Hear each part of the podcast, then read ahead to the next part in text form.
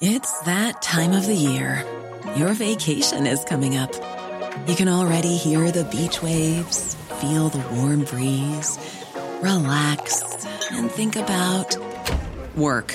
You really, really want it all to work out while you're away. Monday.com gives you and the team that peace of mind. When all work is on one platform and everyone's in sync, things just flow wherever you are. Tap the banner to go to Monday.com. Hey, it's Ryan Reynolds, and I'm here with Keith, co star of my upcoming film, If, only in theaters, May 17th. Do you want to tell people the big news? All right, I'll do it. Sign up now and you'll get unlimited for $15 a month in six months of Paramount Plus Essential Plan on us. Mintmobile.com slash switch. Upfront payment of $45 equivalent to $15 per month. Unlimited over 40 gigabytes per month. Face lower speeds. Videos at 480p. Active Mint customers by 531.24 get six months of Paramount Plus Essential Plan. Auto renews after six months. Offer ends May 31st, 2024. Separate Paramount Plus registration required. Terms and conditions apply if rated PG. There's never been a faster or easier way to start your weight loss journey than with PlushCare. PlushCare accepts most insurance plans and gives you online access to board-certified physicians who can prescribe FDA-approved weight loss medications like Wigovi and Zepbound for those who qualify. Take charge of your health and speak with a board-certified physician about a weight loss plan that's right for you.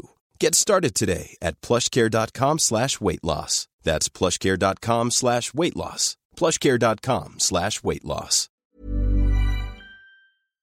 Palmemordet, Mårten Palme, del 3.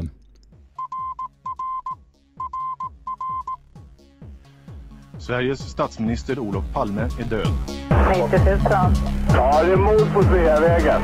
Hörde de säger att det är Palme som är skjuten. Mordvapnet med säkerhet är en Smith Wesson, en revolver kaliber .357.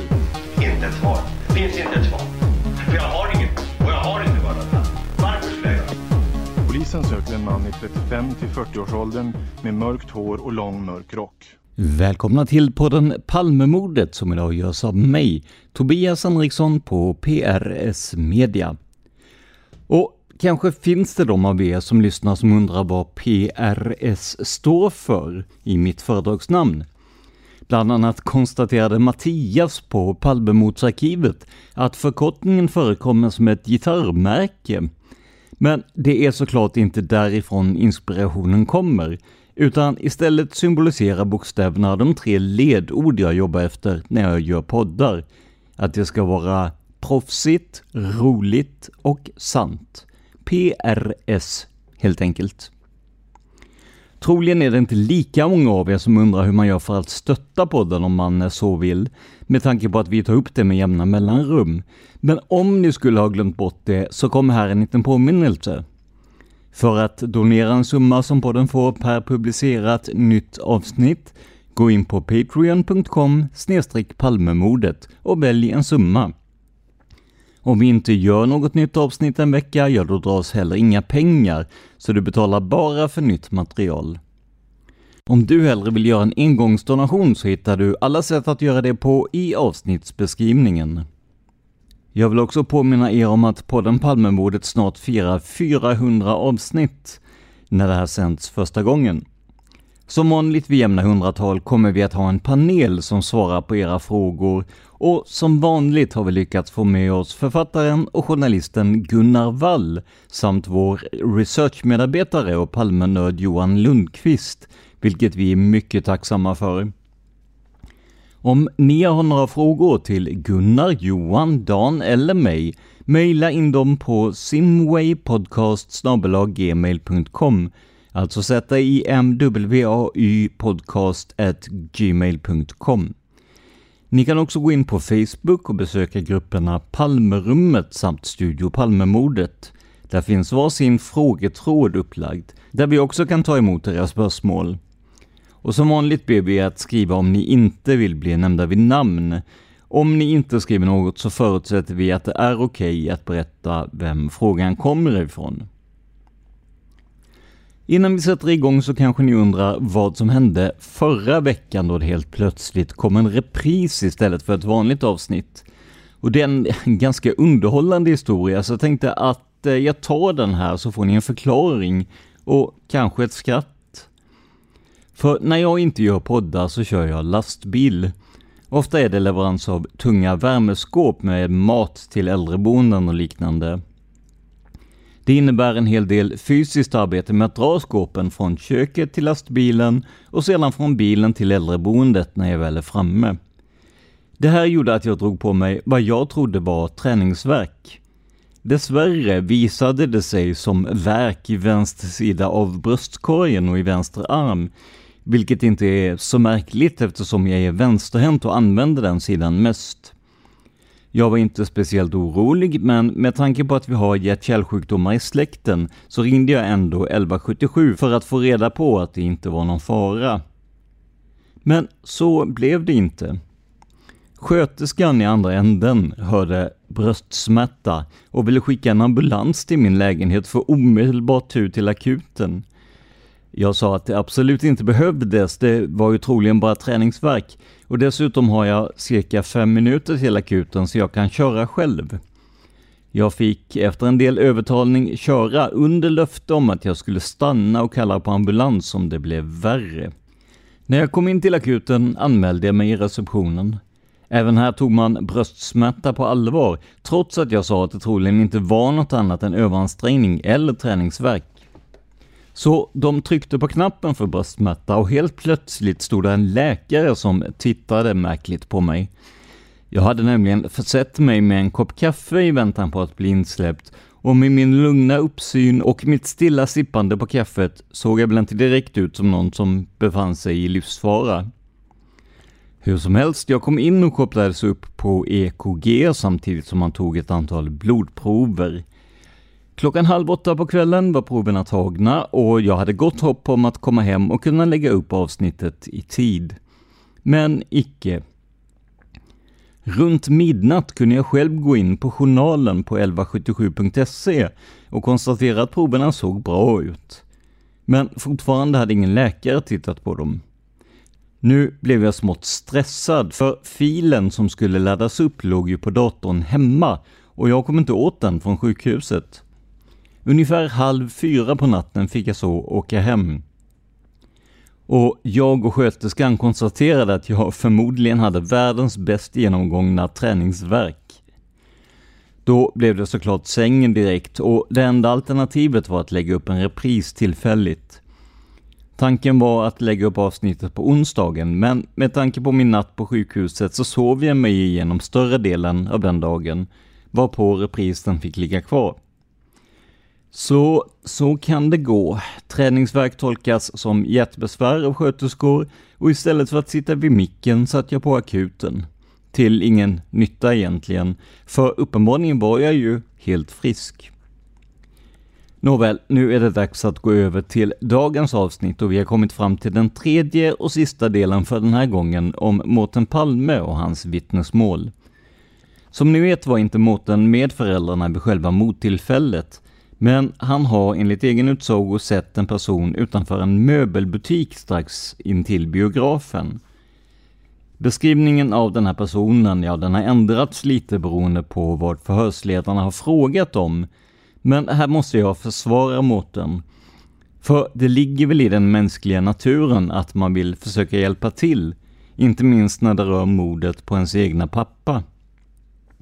Dessutom måste en iakttagelse som innan mordet var helt irrelevant och som görs under en kort tid på en mörk gata vara svår att beskriva eller peka ut med till exempel hjälp av en signalementsmaskin som vi pratat om tidigare. Men med det sagt, bilden av Mårtens grannman har förändrats. När förhörsledarna var inne på kurder, ja, då kunde mannen stämma med Erdogan Sarikaya som syns på bild i tidningen dagarna innan förhöret. Senare, när Christer Pettersson var aktuell, lutade bilden åt att mer och mer stämma överens med denne. Här har vi förvisso också detaljen om att i alla fall Lisbeth kände till att den misstänkte var missbrukare, om Mårten också visste det vid tillfället var det säkert inte så svårt att peka ut den ganska härjade Christer Pettersson. Innan vi går in på de förhör som hölls 1989 så vill jag rikta er uppmärksamhet mot ett förhör som vi redan har varit inne på i avsnitt 1, men som belyser hur utredningen fungerade vid den här tiden, alltså strax efter mordet. Som ni hörde i avsnittet förhör Börje Wingren Mårten Palme på natten mot den 1 mars 1986. Och här får vi prov på Wingrens oortodoxa inställning till sitt yrke. Det här är ett kort förhör, så jag väljer att ta med det igen så ni har det i färskt minne. Citat. Mårten är son till den mördade statsministern och han berättar följande. På kvällen 1986 02.28 var han tillsammans med sina föräldrar Olof och Lisbeth Palme samt sin flickvän på biografen Grand på Sveavägen vid Tegnérgatan i Stockholm. Här såg de gemensamt den senare föreställningen som slutade vid pass 23.10-tiden. Gemensamt hade de fyra sällskap ut från biografen och efter utgången gick de gemensamt Sveavägen söderut mot Kungsgatan. Endast en liten bit på nämnd väg ligger en bokhandel och vid dess skyltfönster stannade sällskapet för att titta lite närmare på vad denna affärs skyltfönster kunde erbjuda.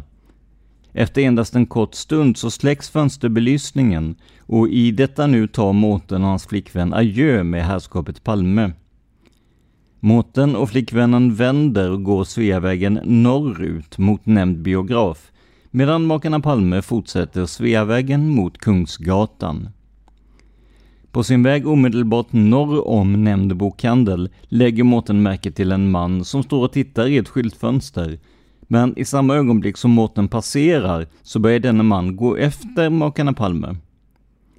Efter det Mårten blivit informerad om den tragedi som inträffat och han senare under natten kommer ihåg just denna händelse, så tar han kontakt med kriminalpolisen. Han hämtas av undertecknad Börje Wingren jämte annan kollega i föräldrarnas bostad och medföljer till kriminalens våldsrotels lokaler där han lämnar här nedtecknade uppgifter. Mårten beskriver mannen som varande omkring 40 år, cirka 180 cm lång och kraftigt byggd. Han var vid tillfället iklädd en blå täckjacka som var ganska så lång, gick en bra bit neråt benen på mannen. Han var också iklädd en keps, kommentar här stavat CEPS, slutkommentar, med knäppe till skärmen. Mannen gick en aning framåtlutad, kanske beroende på att han hade båda händerna instuckna i jackfickorna, eller att han bar på någonting under jackan. Han såg också ganska så bufflig ut, dock utan att vara sjaskig. Mårten är helt säker på att mannen följde efter hans föräldrar, men tänkte inte då närmare på detta skeende. För Mårten framvisas ett stycke foto på en person, Walter K, som kan tänkas ha med mordet att göra. Mårten reagerar direkt och säger att fotot mycket väl kan vara identiskt med den man han såg på Sveavägen. Mårten tillägger att mannen troligen bar på ett par stålbågade glasögon. Skulle Mårten komma på något ytterligare tar han direkt kontakt med kriminalpolisen och kan också nås på nedskriven adress. Numret är hemligt och får absolut inte utlämnas. Detta mest för att fru Palme i nuläget ska få lugn och ro efter det inträffade. Stockholm som ovan, Börje Wingren, kriminalinspektör. Slutcitat. Som ni ser här riktar Wingren misstankar mot en person, nämligen Walter K. Det här är personen som Hans Holmér i sin egen bok kallar den galne österrikaren. Han har tidigare hotat både Holmér och Olof Palme och var därför en bra misstänkt. Men han kunde snart avskrivas och fokus kom att hamna på Viktor Gunnarsson istället. Men det som är anmärkningsvärt är att Wingren visar en bild på Walter K. En enda bild alltså, ingen konfrontation där Mårten ska välja bland ett antal bilder. Redan här har man ju på så sätt förbrukat Walter som misstänkt, i alla fall i relation till Mårtens vittnesmål. Som ni hörde i första avsnittet reagerade också åklagare Jörgen Almblad på att man redan på natten visade den här bilden. Wingren kom, som ni kanske minns, att göra om samma misstag en gång till, nämligen med Viktor Gunnarsson, där en bild på honom, och bara honom, visades för vittnena. Men det är en helt annan historia. Nu ska vi istället ta oss till år 1989, närmare bestämt den 4 april då Mårten återigen förhörs. Det här är innan Christer Pettersson kom att fällas i Stockholms tingsrätt, vilket skedde den 27 juli samma år. Den 2 november 1989 kom Pettersson att frias i hovrätten och är alltså att bedöma som juridiskt oskyldig till mordet. I avsnitten om Christer Pettersson kommer vi också att gå in på överklagandet till Högsta domstolen. Men det här förhöret kommer inte att handla om Christer Pettersson utan istället om den tidigare nämnda Wingren och hans alternativa misstänkte natten för mordet. Citat. Protokoll fört vid förhör med Palme Mårten, född, personnummer, boende, adress, telefon, telefonnummer. Förhöret hållet i Palmegruppens lokaler Kungsholmsgatan 37 tisdagen den 4 april 1989 med början klockan 13.15. Förhörsledare kriminalinspektör Lars Hamren. Mårten Palme underrättades om att han skulle höras med anledning av den fotovisning som företogs natten till den 1 mars 1986 i KK1s lokaler. Mårten Palme uppger att han på natten efter mordet på Olof Palme kommit på att han sett någon person stående utanför möbelaffären strax invid biografen Grand. Då Mårten kommer på detta så kontaktar han polisen som står utanför fastigheten Västerlånggatan 31 och blir sedan körd upp till kriminalpolisen, våldsroten därstädes. På Stockholmspolisens våldsrotel träffar han någon polis, vilken han tror sig komma ihåg hette Vigren eller något liknande, samt ytterligare en polis. Vigren, vilken förmodligen ska vara Wingren, och den andra polisen håller sedan ett kortare förhör med Mårten, där han får beskriva vad han har sett i enlighet med vad han sagt angående den man som stod utanför möbelaffären. Förhörsledarna frågar då Mårten om han sett om mannen i fråga haft något ärr eller liknande i ansiktet. Mårten kunde dock inte svara på detta och förhörsledarna nöjde sig med detta svar från Mårten och uppgav att de inte skulle pressa Mårten mer eller ställa någon mer fråga angående detta. Efter en stund tog förhörsledaren Wingren fram en bild. Bilden var förmodligen en bild bestående av tre bilder, två profilbilder och en bild rakt framifrån. Alltså en bild på en och samma person. Bilden föreställde en man, vilket enligt Mårten, vad han nu kommer ihåg, var ganska stor och tjock samt såg väldigt skäggig ut. Förhörsledaren sa att mannen på bilden hade gripits och Mårten fick den uppfattningen att det var helt klart att mannen på den aktuella bilden var Olof Palmes mördare. På fråga vilka kommentarer som Mårten fällde då han såg bilden så uppger han att han tror sig minnas att han sagt att mannen inte överensstämde med den minnesbild som Mårten hade av mannen utanför möbelaffären. Förhörsledaren hade då sagt till Mårten att bilden i fråga var gammal och mannen inte hade något skägg nu för tiden samt såg smalare och mer välvårdad ut. Mårten uppger att han då hade sagt någonting i stil med ”då är det väl han då”. Mårten uppger vidare att han försökte tänka sig in i hur mannen skulle se ut om denne var smalare och inte hade något skägg. På fråga om Mårten i samband med detta förhör sagt någonting om glasögon så uppger Mårten att han kom ihåg att han sagt eh, detta att mannen eventuellt skulle haft stålbågade glasögon. På fråga om Mårten sagt någonting i stil med vad som står i förhöret som är hållet med honom den 1 mars 1986, där han säger att citat, mannen på fotot mycket väl kan vara identisk med den man han såg på Sveavägen, slutcitat, så uppger Mårten att han inte har något minne av att han kan ha uttryckt sig på detta vis.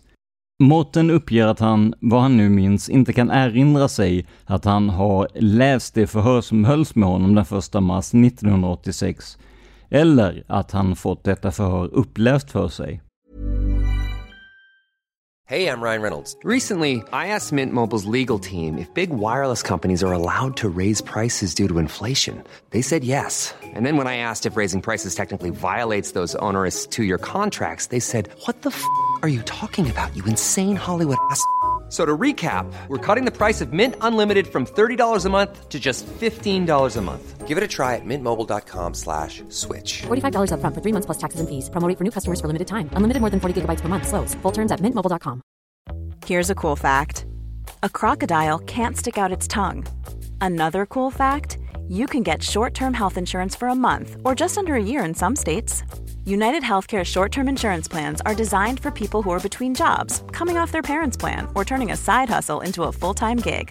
Underwritten by Golden Rule Insurance Company, they offer flexible, budget friendly coverage with access to a nationwide network of doctors and hospitals. Get more cool facts about United Healthcare short term plans at uh1.com.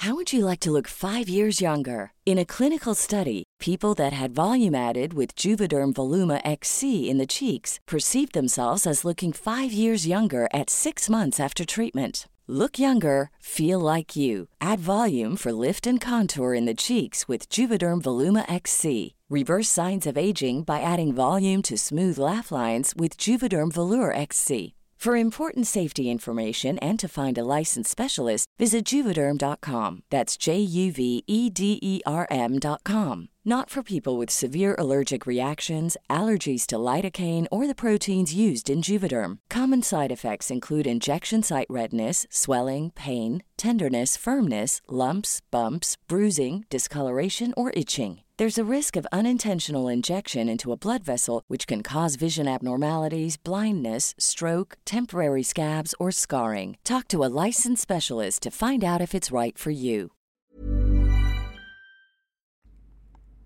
F. Förhörsledare. Ja, Mårten, du har hört vad jag har läst in på bandet. Kan vi låta detta skrivas ut eller vill du lyssna på det? M. Mårten. Nej, det det är bra. Förhöret avslutas klockan 14.00, Stockholm som ovan, Lars Hamrén, kriminalinspektör. Och där slutar vi citera från det här förhöret hållet den 4 april 1989. Här får vi en mer ingående bild av vad som egentligen hände. En bild visade sig vara tre, men samtliga på samma person, Walter K. Som ni hörde kan Mårten inte heller minnas att han sagt att mannen mycket väl kan vara identisk med den han såg. Det här leder oss till en av två slutsatser.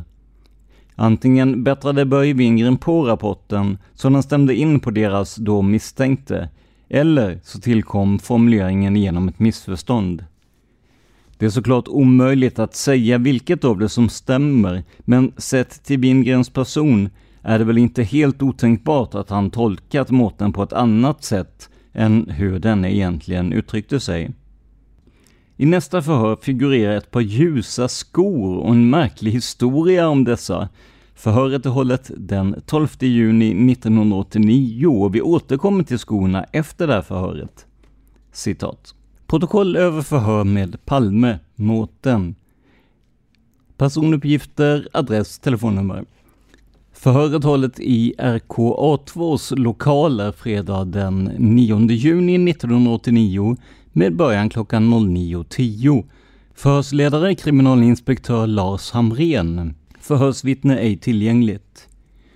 Mårten underrättas om att han skulle höras kompletterande med anledning av att han telefonledes kontaktade undertecknad den 6 6 1989 med anledning av att han ville göra vissa tillägg till tidigare hållna förhör med honom med tanke på de omskrivna ljusa skorna.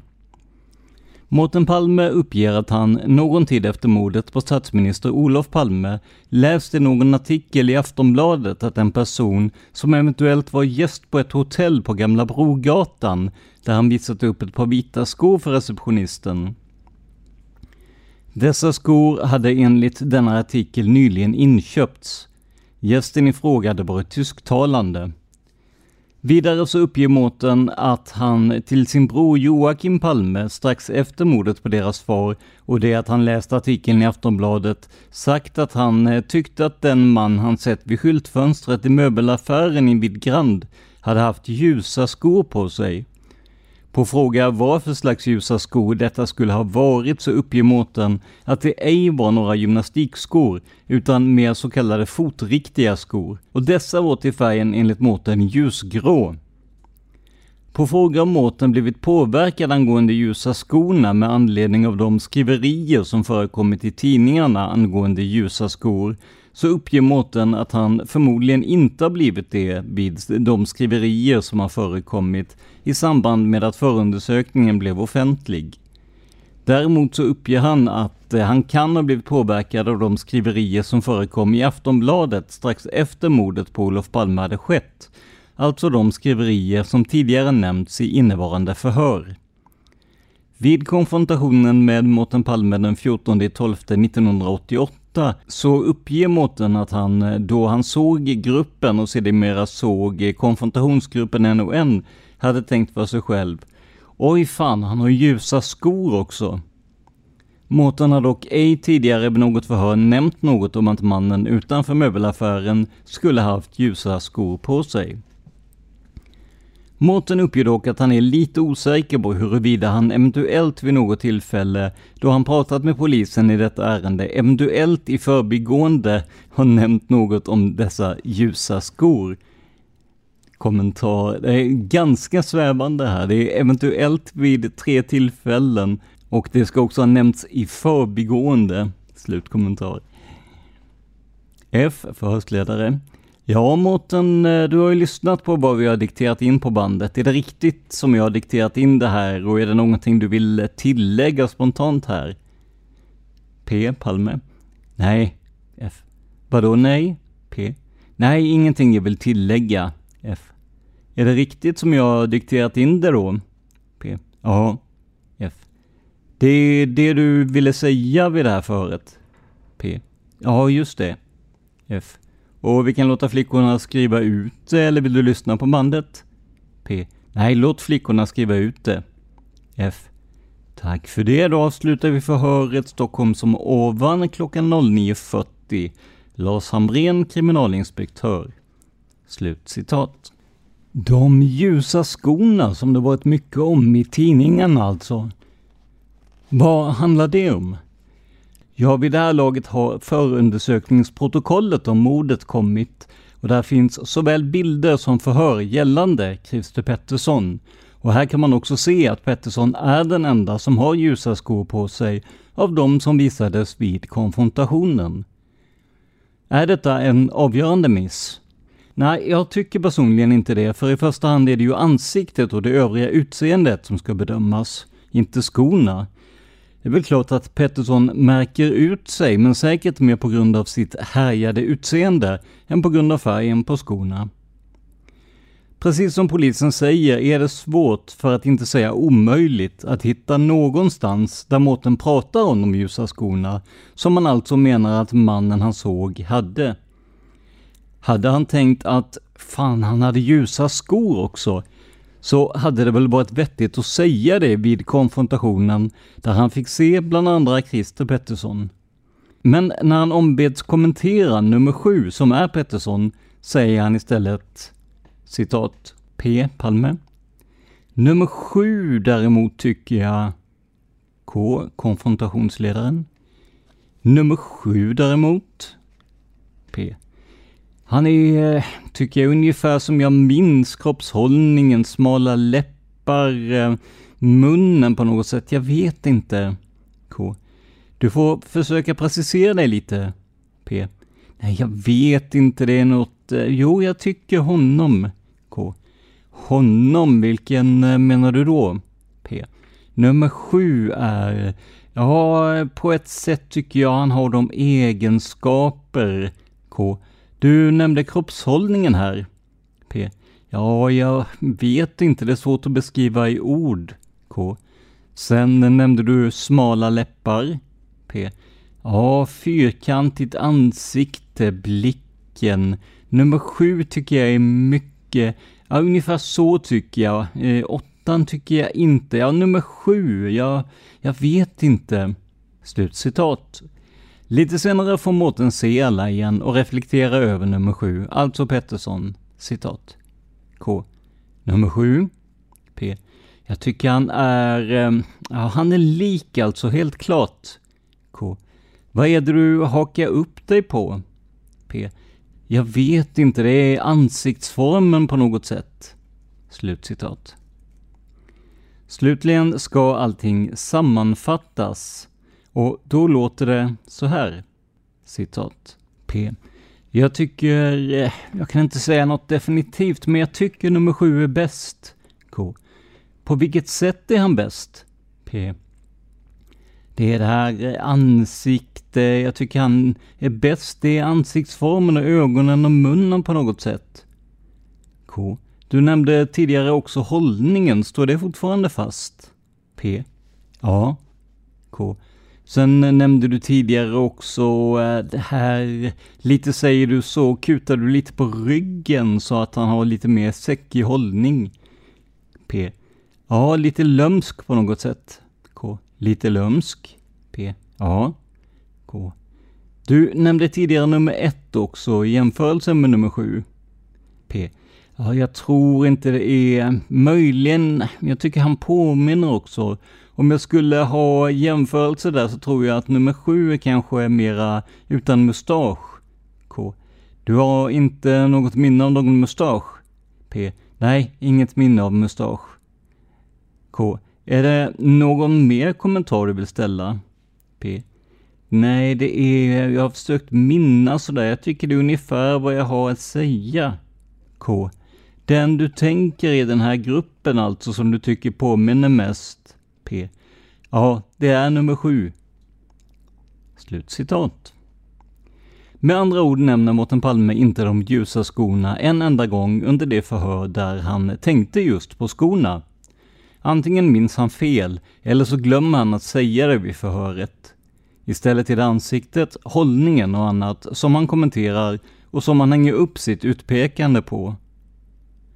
Men de ljusa skorna visade sig också leva lite av ett eget liv när jag tillsammans med våra researchers tittade närmare på uppslaget.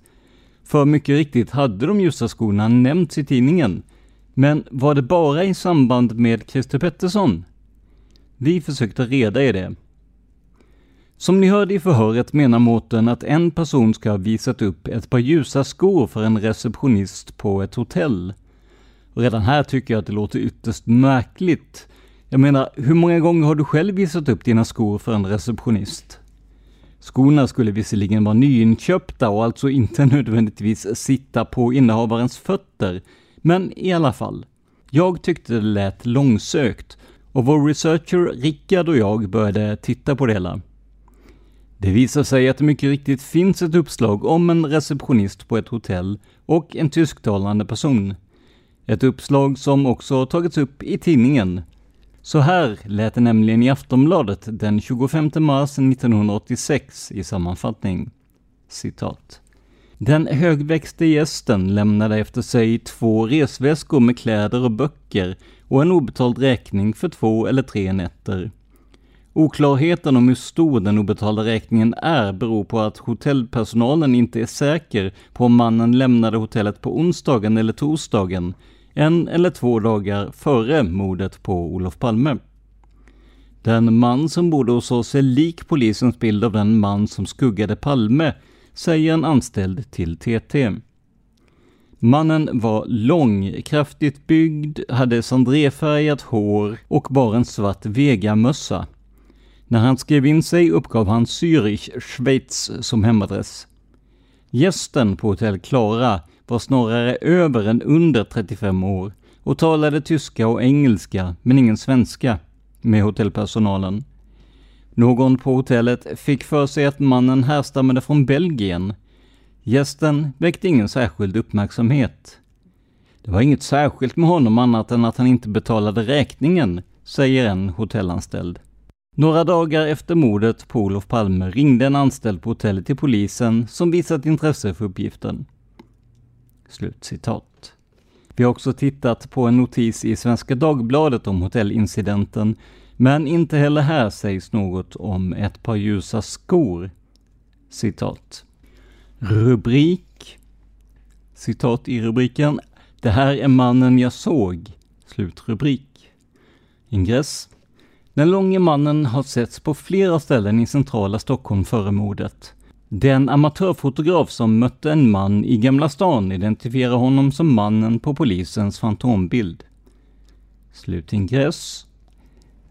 På Hotell Klara på Gamla Brogatan i Stockholm är personalen tämligen övertygad om att samma man smet från hotellnotan en eller två dagar före mordet. FCBD lät den amatörfotograf som framträdde i lördagens tidning titta på polisens fantombild av mannen som skuggade Olof Palme. Amatörfotografen säger sig vara säker på att det var den mannen han mötte på Västerlånggatan alldeles intill paret Palmes bostad klockan 15.30 samma dag som mordet begicks. Jag är mycket säker på att det här är mannen jag mötte på Västerlånggatan i Gamla stan. Ansiktsform, näsa, haka och läppar stämmer. Håret och ögonen var dock betydligt ljusare. Mannen var vältränad och längre än jag, över 185 centimeter, berättar fotografen. Jag uppskattar hans ålder till omkring 25 år. Fotografen har lämnat sina vittnesuppgifter till polisen, vilket även andra vittnen gjort. En av dem är Lisbeth Palme som dagarna efter mordet pratade om en storväxt man som var en av två okända män hon sett utanför bostaden. Andra vittnen har sett den ljuse storväxte mannen skugga Olof Palme när han köpte en ny kostym inför Moskvaresan på ett varuhus i city. Ytterligare vittnen såg honom i Gamla stan på morddagen samt på Sveavägen då makarna Palme promenerade från biografen. Hotell Klara ligger bara några hundra meter från Sergels torg, där mannen såg skugga Palme dagen före mordet. Samma dag, eller dagen före, hade en gäst som stämmer väl överens med polisens fantombild smitit från hotellnotan. Allting var väldigt underligt med honom, berättar en anställd för SvD. Han sa sig inte ha pengar, men lämnade bagage och böcker som pant när han oväntat försvann. Dagen efter mordet ringde personalen på hotellet och tipsade polisen om mannen. Mordspanarna har undersökt hans kvarlämnade bagage och de uppgifter han lämnat när han checkade in. Han var utlänning, troligen schweizare, för han pratade engelska och tyska, säger personalen. Och han gick aldrig barhuvad, utan bar en svart vegamössa. Man tog in på hotellet tisdagen den 18 februari och försvann den 26 eller 27 februari. Och där slutar vi citera den här artikeln signerad Robert Magnegård från Svenska Dagbladet. Så troligen har Mårtens minne spelat honom ett spratt. Han kan förvisso ha sett att hans man hade ljusa skor, men han påtalade som sagt inte detta i konfrontationsförhöret. Inte heller stämde uppgifterna om att någon visat upp ett par ljusa skor på ett hotell, så vitt vi kan se. Det finns ett förhör till med Mårten Palme som jag kan hitta och det är från 2018. Men innan vi går igenom det tänker jag att vi ska försöka sammanställa hur Mårtens mystiske man såg ut utifrån de första förhören. Det har nämligen en viss bäring på vad som händer långt senare i utredningen. Vid det första förhöret beskriver Mårten mannen som omkring 40 år gammal och runt 180 cm lång. Han ska också ha varit kraftigt byggd. På huvudet hade mannen en keps med knäppe till skärmen. Han bar också troligen stålbågade glasögon. Personen var klädd i en blå täckjacka som var ganska så lång och gick en bra bit neråt benen på mannen. Mannen såg lite bufflig ut utan att vara sjaskig. Kan det ha varit den senare så aktuelle Skandiamannen, Stig Engström, som Mårten såg? De stålbågade glasögonen och huvudbonaden stämmer hjälpligt, men Stig säger själv att hans keps inte hade knäppen eller spännen och vi vet att han inte bar en täckjacka utan en rock. Längd och kroppskonstitution kan man nog lägga mindre vikt vid med tanke på förhållandena på platsen. Jag skulle säga att det som utmärkte Engström, huvudbonaden och glasögonen, stämmer medan annat är helt fel. Men vad säger Mårten själv? Det får vi reda på i det sista föret som jag lyckats hitta med honom. Det är hållet den 20 juni 2018 och det är Hans Melander som är förhörsledare. Citat. Protokoll fört vid förhör med Palme, Mårten. Personuppgifter Förhöret hållet onsdagen den 20 juni 2018 på Stockholms universitet, A-huset, rum 732, med början klockan 09.20. Förhörsledare kriminalkommissarie Hans Melander. Förhörsvittne ej tillgängligt. Mårten underrättas om att han ska höras med anledning av att han själv påkallat utredningens uppmärksamhet gällande den mediala rapporteringen som under senaste tiden ägt rum angående mordet på hans far.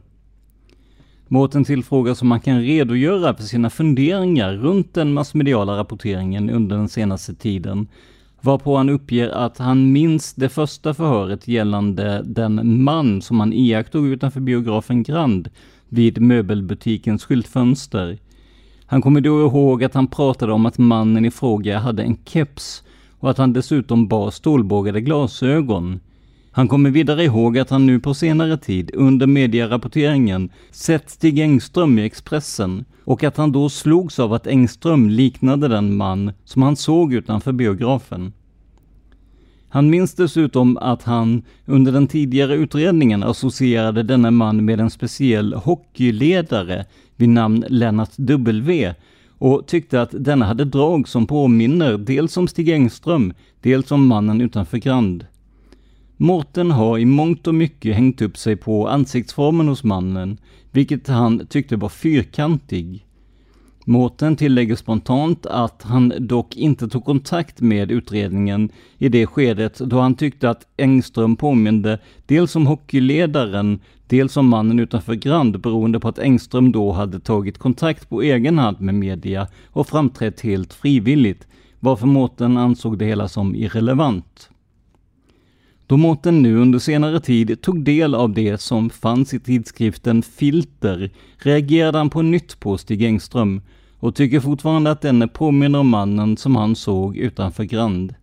Han tillägger dock att han absolut inte kan säga att det var Engström som han såg, utan vill endast påpeka att dragen påminner om varandra. Mårten tillfrågas om han kom ihåg något om mannens klädsel varpå han berättar att han fortfarande minns den aktuella jackan som mannen utanför Grand hade på sig. Mårten beskriver nu jackan så som varande av halvlång modell och nådde någonstans ner till halva låren. Jackan var dessutom mörkblå till färgen och han tycker sig komma ihåg att han uppfattade materialet som någon typ utav nylon. Han tillfrågades om han minns någonting angående fickorna varpå han uppger att han kommer ihåg att dessa satt ganska så högt upp på jackan och han tycker sig komma ihåg att mannen i fråga hade händerna instuckna i dessa högt sittande fickor. Mårten tillfrågas om han minns någonting mer angående mannens klädsel, varpå han har funderat på huruvida mannen bar på någonting och han har någon svag minnesbild gällande att mannen eventuellt skulle ha burit på någon axelremsväska. Detta är dock Mårten något osäker på. Han tillägger dessutom spontant att han har någon svag minnesbild utav ljusa skor. Men tillägger i sammanhanget att han minns att Christer Pettersson under en konfrontation hade ljusa skor på sig och han säger att detta kan vara en skapad minnesbild som han har lagt på mannen utanför Grand. Han återkommer dessutom till att mannen eventuellt bar en keps och tillägger att detta kanske inte är något plagg som Christer Pettersson hade för vana att bära. Mårten uppger vidare att han minns att han pekade ut Pettersson under konfrontationen, men uppger att det skedde med ett visst mått av osäkerhet. Han tillfrågas därpå om han minns någonting av den fantombild som skapades under ett tidigt skede av utredningen, varpå han kommenterar denna med att den aldrig blev riktigt bra. Han minns att det han ville försöka få fram vid tillfället var att mannen i fråga hade ett fyrkantigt ansikte. Han ville dessutom försöka få ett par glasögon på fantombilden, vilket dock inte gick med anledning av att man inte hade den tekniken så att man kunde framkalla ett par glasögon på den aktuella bilden. Mårten tillägger vid indikteringen att tekniken bestod utav olika bilder som man pusslade ihop och bland dessa bilder fanns det inte några ögon med glasögon på. Han tillfrågas därpå om han kommer ihåg att han vid ett annat tillfälle kontaktade utredningen och uppgav att han i massmedia sett en person som han då tyckte hade överensstämmande drag med mannen utanför Grand. Mårten har först svårt att komma ihåg tillfället, men då han erinras namnet Sarikaya uppger han att han har något svagt minne av detta. Han minns att denna man var aktuell i samband med att man misstänkte kurder och han kommer ihåg att den aktuella mannen hade på något sätt liknande drag med den man han såg utanför Grand. Han hade dock inget större minne av denna händelse i utredningsarbetet. Mårten tillfrågas därpå om han och den övriga familjen har pratat mycket om händelsen och om det i så fall under dessa samtal kommit fram någonting ytterligare om vad som skedde vid själva mordtillfället. Varpå Mårten svarar att han medvetet har försökt att undvika att prata om detta, framförallt med sin mor beroende på att han inte vill påverka hennes minnesbild. Han tillägger spontant att han kommer ihåg att hon efter utpekandet av Christer Pettersson var ganska chockad, men då tyckte sig vara helt säker på att hon hade pekat ut rätt person. Even on a budget, quality is non-negotiable. That's why Quince is the place to score high-end essentials at 50 to 80% less than similar brands. Get your hands on buttery soft cashmere sweaters from just 60 bucks, Italian leather jackets, and so much more. And the best part about Quince, they exclusively partner with factories committed to safe, ethical, and responsible manufacturing. Elevate your style without the elevated price tag with Quince. Go to quince.com slash upgrade for free shipping and 365-day returns. When you drive a vehicle so reliable it's backed by a 10-year, 100,000-mile limited warranty, you stop thinking about what you can't do and start doing what you never thought possible. Visit your local Kia dealer today to see what you're capable of in a vehicle that inspires confidence around every corner. Kia, movement that inspires. Call 800 333 4KIA for details. Always drive safely. Limited inventory available. Warranties include 10 year 100,000 mile powertrain and 5 year 60,000 mile basic. Warranties are limited. See retailer for details. Han tillfrågas därpå specifikt om hans mor vid något tillfälle nämnt att gärningsmannen skulle ha sagt någonting i samband med händelsen, varpå han bestämt svarar att detta har aldrig varit på tal och han är fullständigt övertygad om att hans mor skulle ha nämnt detta om så var fallet. Han tillfrågas därefter om det på något sätt var prat om att det skulle ha varit något möte på gång som hans far skulle ha efter att de lämnat biografen, varpå han bestämt svarade att så inte alls var fallet.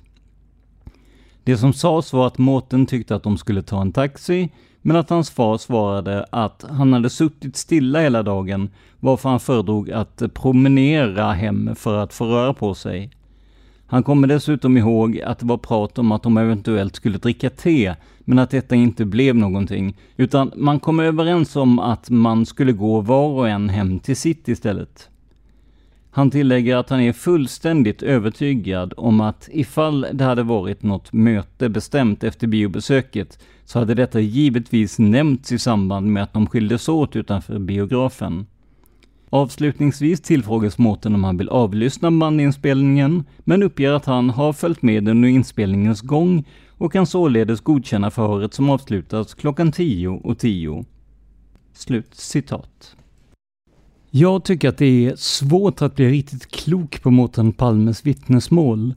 Om man bara ska gå efter protokollen så tycker han att såväl Walter K som Sarikaja, Pettersson och Engström stämmer på mannen han såg utanför möbelaffären. Allt beroende på när han tillfrågas och i vilket syfte. För mig tyder det här på att han inte har någon klar minnesbild av mannen och att hans minne färgats av förhörsledarnas frågor.